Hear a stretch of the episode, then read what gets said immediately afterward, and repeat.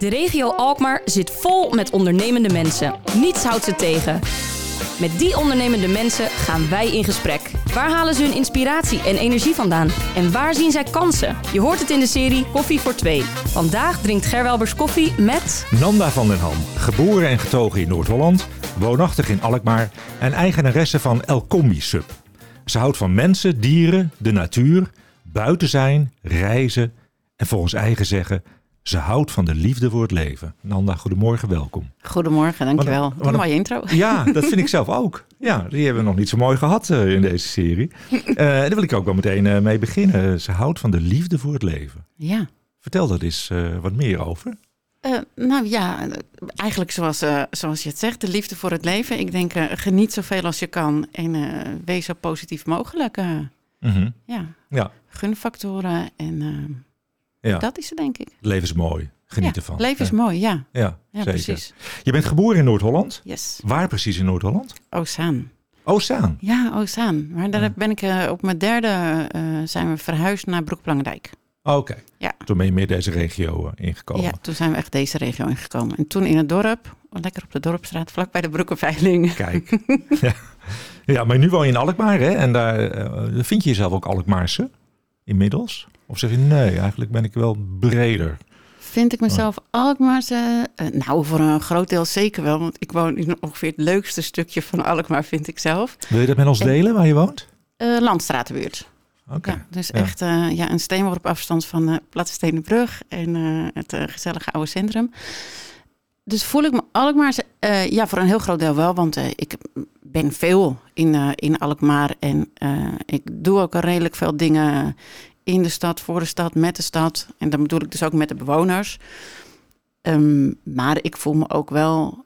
eh, mijn vader zegt altijd dat hij wereldburger is. En Ja. dat, dat vind ik ook, want ik ben heel graag overal in de wereld. Ja, daar gaan we het eh, uitgebreid over hebben straks, hè, want er komt helemaal Ja. langs. Ja. Eh, laten we beginnen met je cv even door te nemen.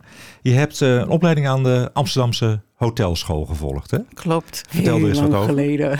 nou, Nou, vertel er eens wat over. Eh, mijn ouders die zijn eh, eh, vroeger toen ik ehm, tien was uit mijn hoofd Camping Molengroet eh, begonnen.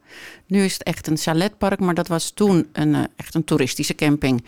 Eh trekkersveld, seizoenplaatsen, eh, een aantal jaarplaatsen, maar heel toeristisch gericht. is bij, En- bij Geesper Ambacht daar, hè? Die, Ja. die camping Ja, Molengoed. Bij het Ja. Ambacht, ja. En ehm, daar zat ook een groot horecagedeelte bij.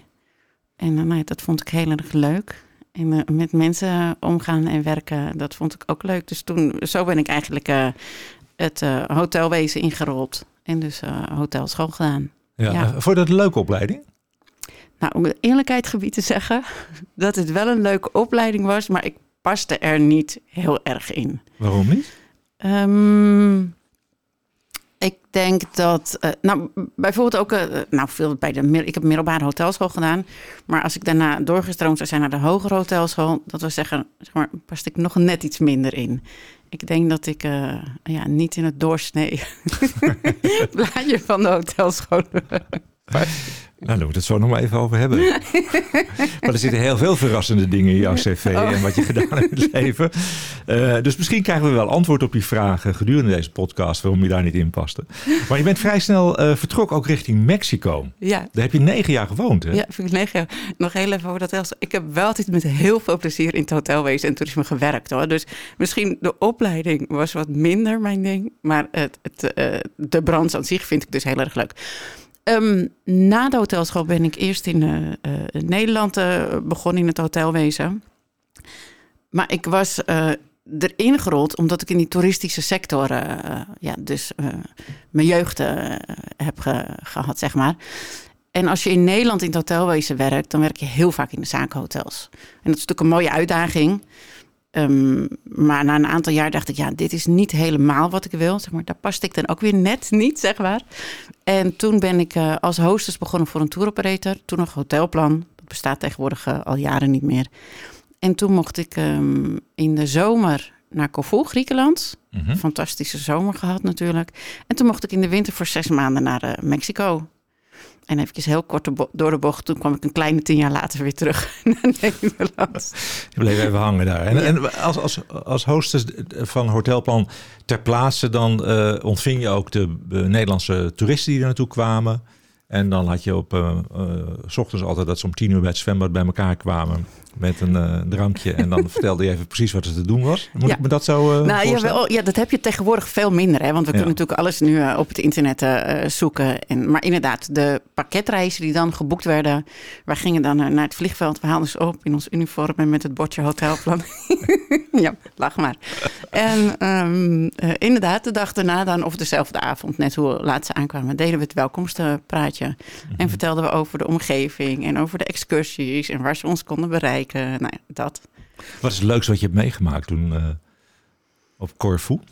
Uh, op Corfu? Uh, ja, jeetje, dat is lang terug, is 99. het leukste wat ik... Nou, ik denk, daar deed ik dat werk voor het eerst. En ik denk, het leukste is echt het de hele dag van hot naar her gaan. En die, um, um, die beweging op het eiland. Dat vond, dat vond ik echt heel leuk. Maar zo, eh, en uh, ja, collega's. Van, mm -hmm. uh, ja, ik weet eigenlijk niet van Corfu 1 zo. Misschien dat ik er straks nog op kom. Oké. Okay. Maar toen ben je naar Mexico gegaan met, met hetzelfde uh, plan ook? Dat je daar bezoekers zou ontvangen, toeristen zou ontvangen? Ja, hetzelfde plan. Toen ben ik dus ook weer voor hotelplan daar naartoe gegaan. En ik zou daar ook voor zes maanden heen gaan. Dus na zes maanden dan ligt je ticket weer klaar heb je twee, uh, drie weken vakantie in Nederland en dan ga je weer naar de volgende bestemming. Um, ik wilde helemaal niet weg uit, uh, uit Mexico. Ik was daar zo thuis. Dus toen ik ja. weer hier die, die paar weken vrij had in Nederland, toen dacht ik, ja nee, ik ga terug naar Mexico. En toen ben ik dus op eigen houtje weer teruggegaan naar Mexico. Heb ik hetzelfde werk gedaan, alleen dan voor een lokaal agentschap. Oké, okay, wat maakt Mexico zo bijzonder voor je? Ja, ik was gewoon meteen thuis. En dat is um, um, de mensen, de manier van leven, uh, het weer speelt natuurlijk ook mee. Ja. Hè? Ik hou heel erg van uh, het weer daar. Uh, ook van die tropische regenbuien. Maar ja, ik was daar thuis, het buitenleven. En ik denk, nou, wat we in het begin zeiden van de liefde voor het leven, dat zie je daar ook heel erg. Je werkt zes dagen in de week, knijterhard. Maar de seconde dat je naar buiten loopt, echt, dan ben je onder elkaar, met elkaar. En dat is dan geniet je meteen. Je kan hier ook. Minder, je ervaart het minder als werken, denk ik. Hè? Omdat veel buiten is en veel met mensen. Ja, toch wat... hangt, hangt wel een beetje vanaf wat je doet. Want ik ben daarna doorgestroomd uh, weer het hotelwezen in. Ja. en dan zijn er ook gewoon dagen dat je echt uh, alleen maar op kantoor zit. En dan zit je kantoor niet, niet op het strand onder een palmboom, nee, helaas. Ik, dat zit vaak. Ja, ik heb het zelf ook meegemaakt. Oh. Dat werken in zo'n gebied is heel anders dan ja. Uh, op vakantie zijn. Hè? Of ja. geval ja, buiten zijn. Ja. Ja, dat is heel anders. Mm -hmm. En uh, uh, ja, ik vond het even goed. Dus natuurlijk hartstikke lekker. Maar je werkt daar ehm, in principe van 9 tot 2 en dan van 4 tot 7 weer. Maar ja, ook daar vaak blijf je in die twee uur pauze blijf je in het hotel, op kantoor. Dus je bent bezig en ja, nou, je werkt nog wat over. Dus het zijn lange dagen, maar ja, heerlijk.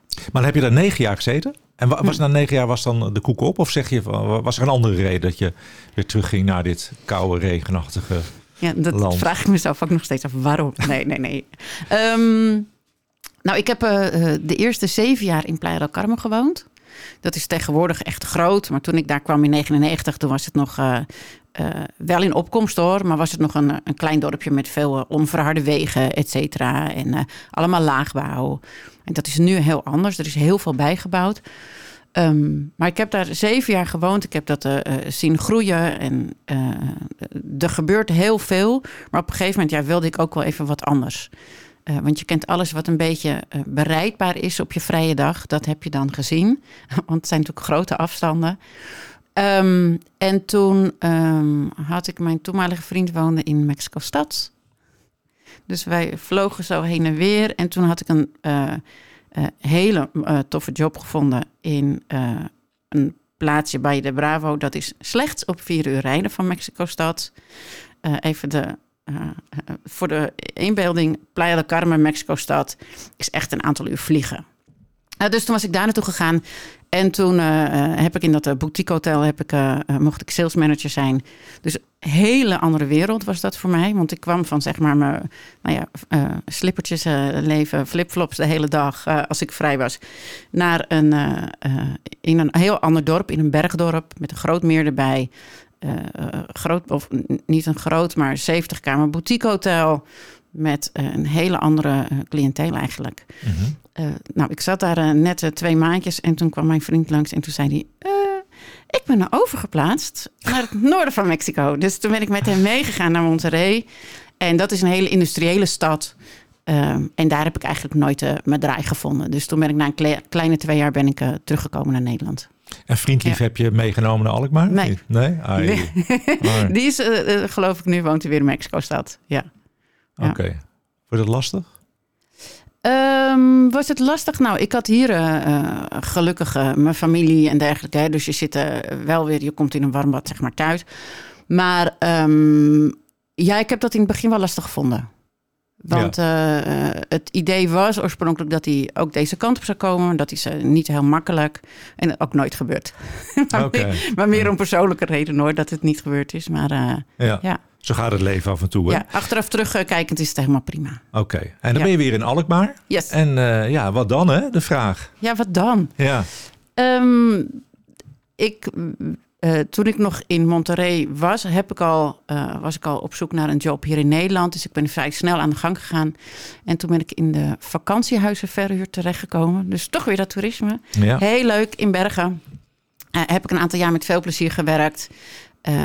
Daarna gewisseld naar een ook toeristisch bedrijf hier in Alkmaar. En op een gegeven moment raakte ik daaruit. En te veel gewerkt. En de sfeer was niet helemaal zo positief als ik zou willen zien. Dus toen raakte ik eruit en in de welbe welbekende burn-out. En toen ben ik dus gaan denken, ja, wat wil ik nou echt? Wat wil ik echt? En toen heb ik mijn rugtas gepakt. En ben ik voor twee maanden naar Costa Rica gegaan. En toen heb ik ja, bedacht en opgezet wat ik nu doe. Wat leuk, wat leuk. Daar vond je ja. de inspiratie uiteindelijk om die te gaan doen. Ja, daar vond ik de inspiratie. En ja. um, hoe lang hebben we? Want het is, ik kan heel lang, heel lang kletsen. Ga rustig um, doen. nee, het, ik vind het uh, voordeel als je eventjes uit je eigen wereldje gaat dan gaat je inspiratie, of in ieder geval bij mij, dan gaat de inspiratie, die vloeit vanzelf weer. En uh, net als met de creativiteit. Dus ik was uh, uh, op een plek gekomen waar ik nou ja, nooit verwacht had te komen. Op een strand waar ja, een beetje in the middle of nowhere. Er was echt niks. En um, ik zou daar één of twee nachtjes blijven. Want het was net iets boven mijn backpackersbudget. ik ben uiteindelijk drie weken bij die dame gebleven. En dus daar... ik heb het ook altijd overal staan. En daar met mijn kont in dat witte zand heb ik bedacht... van ja, ik ga al combi starten. Ja. En uh, ik heb vanaf het begin af aan bedacht van ik wil uh, iets doen met uh, het suppen, het stand-up paddle. Dat was in 2016. Dus toen was het nog niet zo'n hype zoals het nu is. ik dacht ik wil iets doen met het suppen. voor fun, het sportieve gedeelte. Maar ik wil ook iets doen met al dat zwerfafval wat ik zelf altijd tegenkom. Ja. Ja. Hè, en dan eigenlijk wil ik mezelf ook nog weer overbodig maken door mensen um, bewuster te laten leven en consumeren. Ja. Eigenlijk consumeren. Maar, ja, dus eigenlijk in een paar zinnen zeg je nu eigenlijk alles wat je nu doet. Hè? Want in 2006, toen ben je begonnen. Uh, je had meteen ook beeld van dat wil ik in Alkmaar doen. En, want Alkmaar leent zich er goed voor. Er is veel water, et cetera. Of? Ja, ik woonde in Alkmaar. En, uh, dus uh, dat was voor mij heel logisch om daar, te, daar te starten. Um, maar ik moet wel zeggen, ik weet nog dat ik het toen op de familie-app of zoiets zei van... Ik heb dit bedacht. En ik had, uh, ik had zelf mijn subboard. En toen zei ik, uh, nou, ik koop er vier bij. En, uh, joh, ik had helemaal geen businessplan of zoiets gemaakt. dus ik had via Marktplaats ook daar nog op dat, op dat strand. Via Marktplaats had ik vier boards gevonden. dezelfde als die ik toen had. En uh, de dag dat ik terugkwam, uh, ben ik een paar uur later uh, ben ik die boards op gaan halen. En had ik een bedrijf, ongeveer. Nou, ik heb ook toen ik in Costa Rica was, mijn logo laten ontwikkelen. Okay. En, Waar staat El Combi voor? Ja. marketingtechnisch zou ik misschien een andere naam moeten verzinnen. Maar El Combi, het is natuurlijk en die combinatie ja, die ik wil doen van het super sportief en dan duurzaamheid en dus zero waste. Maar toen de tijd had ik een uh, uh, wit busje, een witte camper. En ik had bedacht, ik ga vanuit die camper ga ik dus werken. Want daar pasten makkelijk die vijf boards in. Uh, ondertussen heb ik iets van 18 boards, soms 20 boards. Dus dat past natuurlijk helemaal niet meer. En die camper is ook overleden. Maar oké, ik had dus die witte camper. En ik had, um, mijn logo was het zeegroen wat ik nu ook wel heb. Ja, ik heb dus, hebben we net uitgebreid over gehad, kleine tien jaar in Mexico gewoond. En daar heette die, het is eigenlijk van de Volkswagen busjes af, afkomstig, die combi's. Zo noemen ze de taxibusjes of de openbaar vervoerbusjes, waar je echt op elke hoek van de straat in en uit kan stappen en waar je met z'n dertig in een tienpersoonsbusje zit. Ja, die noemden we daar combi's. Ja. En toen dacht ik, nou ja, dat is dezelfde kleur, een wit busje met zeegroene letters erop. Ik noem het uh, El Combi, ja. Joh, als je nu denkt van, hè, snappen mensen dat? Maar ik was toen eens in Costa Rica. Ja. Ik legde dat uit aan de uh, Spaanstalige mensen daar. En die herkenden dat allemaal meteen. Ik zeg, ja, mijn busje is wit en ik doe groene letters erop. Oh, Combi, ja, tuurlijk. Ja, maar het is wel een onderscheidende naam, denk ik dan. Ja, dus, dat wel. Dus prima. Ja, ja, dat wel. Hey, en was het meteen een succes toen je begon? Nou, um, ja, dat, ik heb natuurlijk geen vergelijkingsmateriaal. Um, maar ik heb er wel vanaf dag één van geleefd. Dus uh, ja, vind ik het een succes? Ja, dat, dan vind ik het wel dat, een succes. Dat vind ik ook, ja. ja. ja. ja. maar als ik nu, nu terugkijk en ik denk van... oh ja, ik begon met vier boordjes. Ja, nu is het wel wat groter geworden natuurlijk. Maar ik weet nog dat ik de eerste uh, Sup It Up... dus de eerste clean-up uh, organiseerde.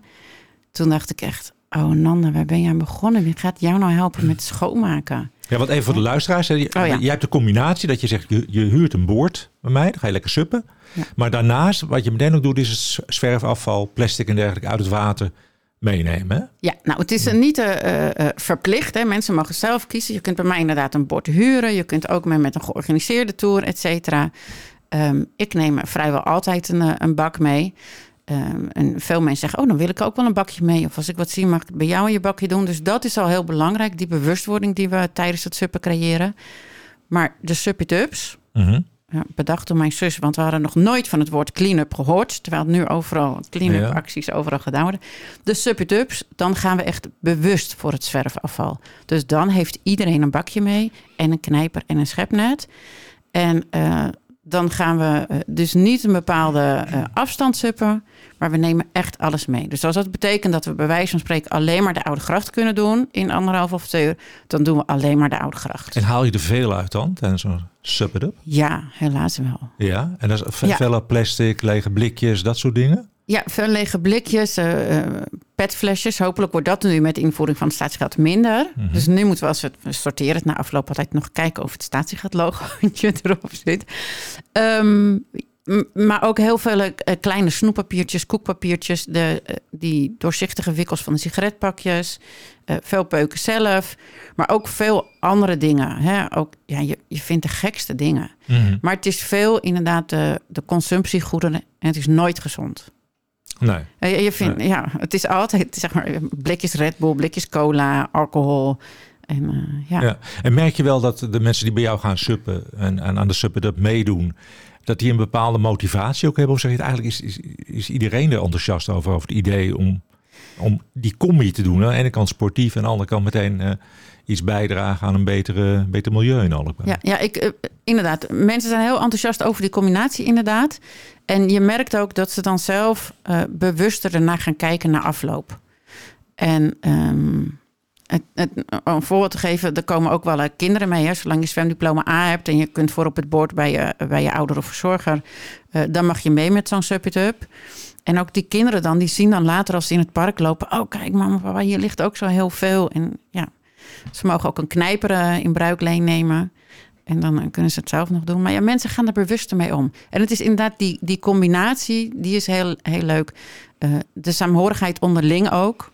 Van ja, ik ben er net langs gezocht, ik kon het niet pakken. Kun jij het pakken? Ja, ja, natuurlijk. Nee, ik ga ervoor. Ja, het is heel, heel leuk. Het zijn allemaal ja. leuke mensen die altijd meedoen. Nou heb je op je LinkedIn-profiel ook een quote staan.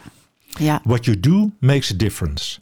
And you have to decide what kind of difference you want to make. Ja. Van Jane Goodall. Van Jane Goodall, inderdaad. Ja. Wat, is, wat is jouw difference die je wilt maken? Nou, ik denk dat um, het... Um, uh, stukje positiviteit, wat we in het begin ook al een beetje uh, zeiden. Hè? Van, um, je, je kunt met de, hoe klein je actie ook, uh, of je handeling, kun je een verschil maken. En dat werkt in het geval van bijvoorbeeld de, de sub-it-ups, de, de clean-ups, werkt het ook heel aanstekelijk. En ik denk dat als je dat realiseert, dat je veel makkelijker besluit een, een positieve eh, draai ergens aan te geven. Mhm. Nou hebben we in deze podcastserie ook altijd wat dilemma's die we Oh voorleggen. Ja, Eh, je lacht al, Ja. je klaar naar de gaan we. Eh, Alkmaar heeft nog een lange weg te gaan om echt een schone stad te worden. Alkmaar, oh jee. Ehm, Graag een ja of nee. ja, Mag straks nu nuanceren. Ja, ja. Alkmaar is de perfecte stad om door te suppen door al het water en de grachten in en om de stad. Ja, met de uitroepteken. Ja, ja die, die was wat makkelijker dan de eerste. Daar moest je even over nadenken. Maar dat komt omdat die eerst als ik ja, toen ik ja dan, dat was dus niet, dat is dan dus niet positief. Ik zou liever zeggen nee, we zijn op de goede weg, maar er is nog wel een lange weg. weg te Ja, gaan. Ja, Ja. Ja. Ja. Ben, je, ben je hoopvol gestemd voor de toekomst? ja zeker. Ja. Ja? Ja. Ik denk alleen, alleen daardoor kan ik dit ook blijven doen. Ja. Want ja, we, ik doe nu eh, sinds 2016 organiseer ik die clean-ups. En ik vind nog steeds dagelijks, ook als ik geen clean-up doe, maar zelf op het water ben, te veel afval. Alles is te veel. Ja. ja. Nou heb jij zelf ook een stickeractie opgezet, hè? Eh, En dat zijn dan stickers die winkels op hun raam kunnen plakken wanneer zij onverpakte producten verkopen. Ja, en dat waar is- je dus met je eigen verpakking terecht kunt. Ja, de ja. zero waste sticker. Ja, zero waste sticker. Ja. Kan je wat voorbeelden geven van winkels die daaraan meedoen, die zo'n sticker op de ramen hebben geplakt? Eh, ja, een aantal eh, horecazaken natuurlijk. En ik denk dat eh, als je lang zou gaan, dat alle horecazaken het wel tegenwoordig akkoord vinden. Eh, maar kijk bijvoorbeeld naar een eh, roost, een soep natuurlijk, vers, ehm, nou ja, eh, te over. Ehm, maar er zijn ook een aantal ehm, andere zaken waar je wel terecht kunt met je, met je eigen verpakking. Eh, nou, bijvoorbeeld iets wat, wat nooit iemand verwacht is eh, de bloemenzaak eh, Blom aan de Vondelstraat. Daar worden je bloemen worden natuurlijk altijd in plastic verpakt. Ja. Nou ja, dat, dat, je mag daar ook zeggen, joh, ik neem zelf een krant mee of iets anders en ze verpakt het erin. En juist door dat soort dingen gaan mensen dus nadenken van, oh ja, het kan ook gewoon zonder dat plastic. Of, joh, ik woon om de hoek, het hoeft niet verpakt te worden. Ik, het is natuurlijk voor het behoud van de bloemen. Ehm, de duurzame kapsalon, Rosie de Haas. Daar kun je dus je eigen, eh, als je dat merk gebruikt, je neemt één keer, eh, koop je het met verpakking en daarna laat je het bijvullen. Oh ja. Ja. Ja. dat zijn dus hele mooie initiatieven. ja. En ja, hoe meer mensen eh, dus zo'n stekker, of de ondernemers, hè, hoe meer mensen, ondernemers zo'n sticker op de raam hebben, hoe meer het gezien wordt. Mhm. En men nagedenken, het is niet gek. De bakkers, hè, ga met je eigen broodzak er eh, naartoe. In plaats van altijd die plastic zak om dat broodje heen. Ja, voel jij bewustwording in, eh in Alkmaar, in de maatschappij, dat mensen meer bewust worden van dat ze het verschil ook kunnen maken als het gaat over die verpakkingen? Ja, dat groeit wel. Ja. Ik denk dat ik het toen ik het in 2016 eh, eh, bedacht had als derde pijler van Elcombi, dat het misschien nog wat vroeg was. Maar nu zie je echt wel mensen die met hun eigen verpakkingen op pad gaan. Of naar de markt. Hè. Neem je eigen, al neem je maar een leeg shampootje mee als je wat nootjes wilt gaan halen. Het scheelt Ja. allemaal. Mooi. Ja. Nou hebben we ook altijd de estafettevraag. Oké? Een van jouw eh, vorige gasten, Ja? een van je voorgangers, heeft een vraag achtergelaten. Die vind ik heel mooi voor jou. Dat was Ron Huiberts. Ja? Die stelt de vraag, wat betekent geluk voor jou? Oeh, wat betekent geluk voor jou? Ehm, ik denk ehm, eh, de rust vinden. Waar je bent, met wie je bent en wat je doet. In Als het je- moment leven eigenlijk. Ja. Ja. Ja, want dan is het goed. Ja, Dan kijk je niet terug, kijk je niet vooruit, dan ben je gewoon. mooi. Heb jij ook een vraag voor een van de volgende gasten die we kunnen stellen? Oeh, ik zie je denken nu. Ja. Ehm, een vraag voor de volgende gasten. Ja, als het. ehm, nou, misschien wel even eh, terug, terugblikkend op eh, die quote van mij, hè, van dat je zelf een verschil eh, kunt maken. Welk verschil dat jij, denk je dat jij kunt maken? Prachtige vraag. Ja, Ja. die gaan we zeker stellen aan Groot een van de klein, ja. volgende gasten. Ja, Nanda, ontzettend leuk gesprek hadden we. De tijd zit er helaas op. Ja, maar ik wil wel. je bedanken in ieder geval voor de komst. En, eh, en kom nog een keer terug om uh, praten we even bij hoe je er dan uh, voor staat. Leuk. Dankjewel. Dank jullie wel. Ja. Je luisterde naar Koffie voor Twee. Dank voor je aandacht en graag tot de volgende keer. Koffie voor Twee is een samenwerking tussen Halstad Centraal en Alkmaar Marketing.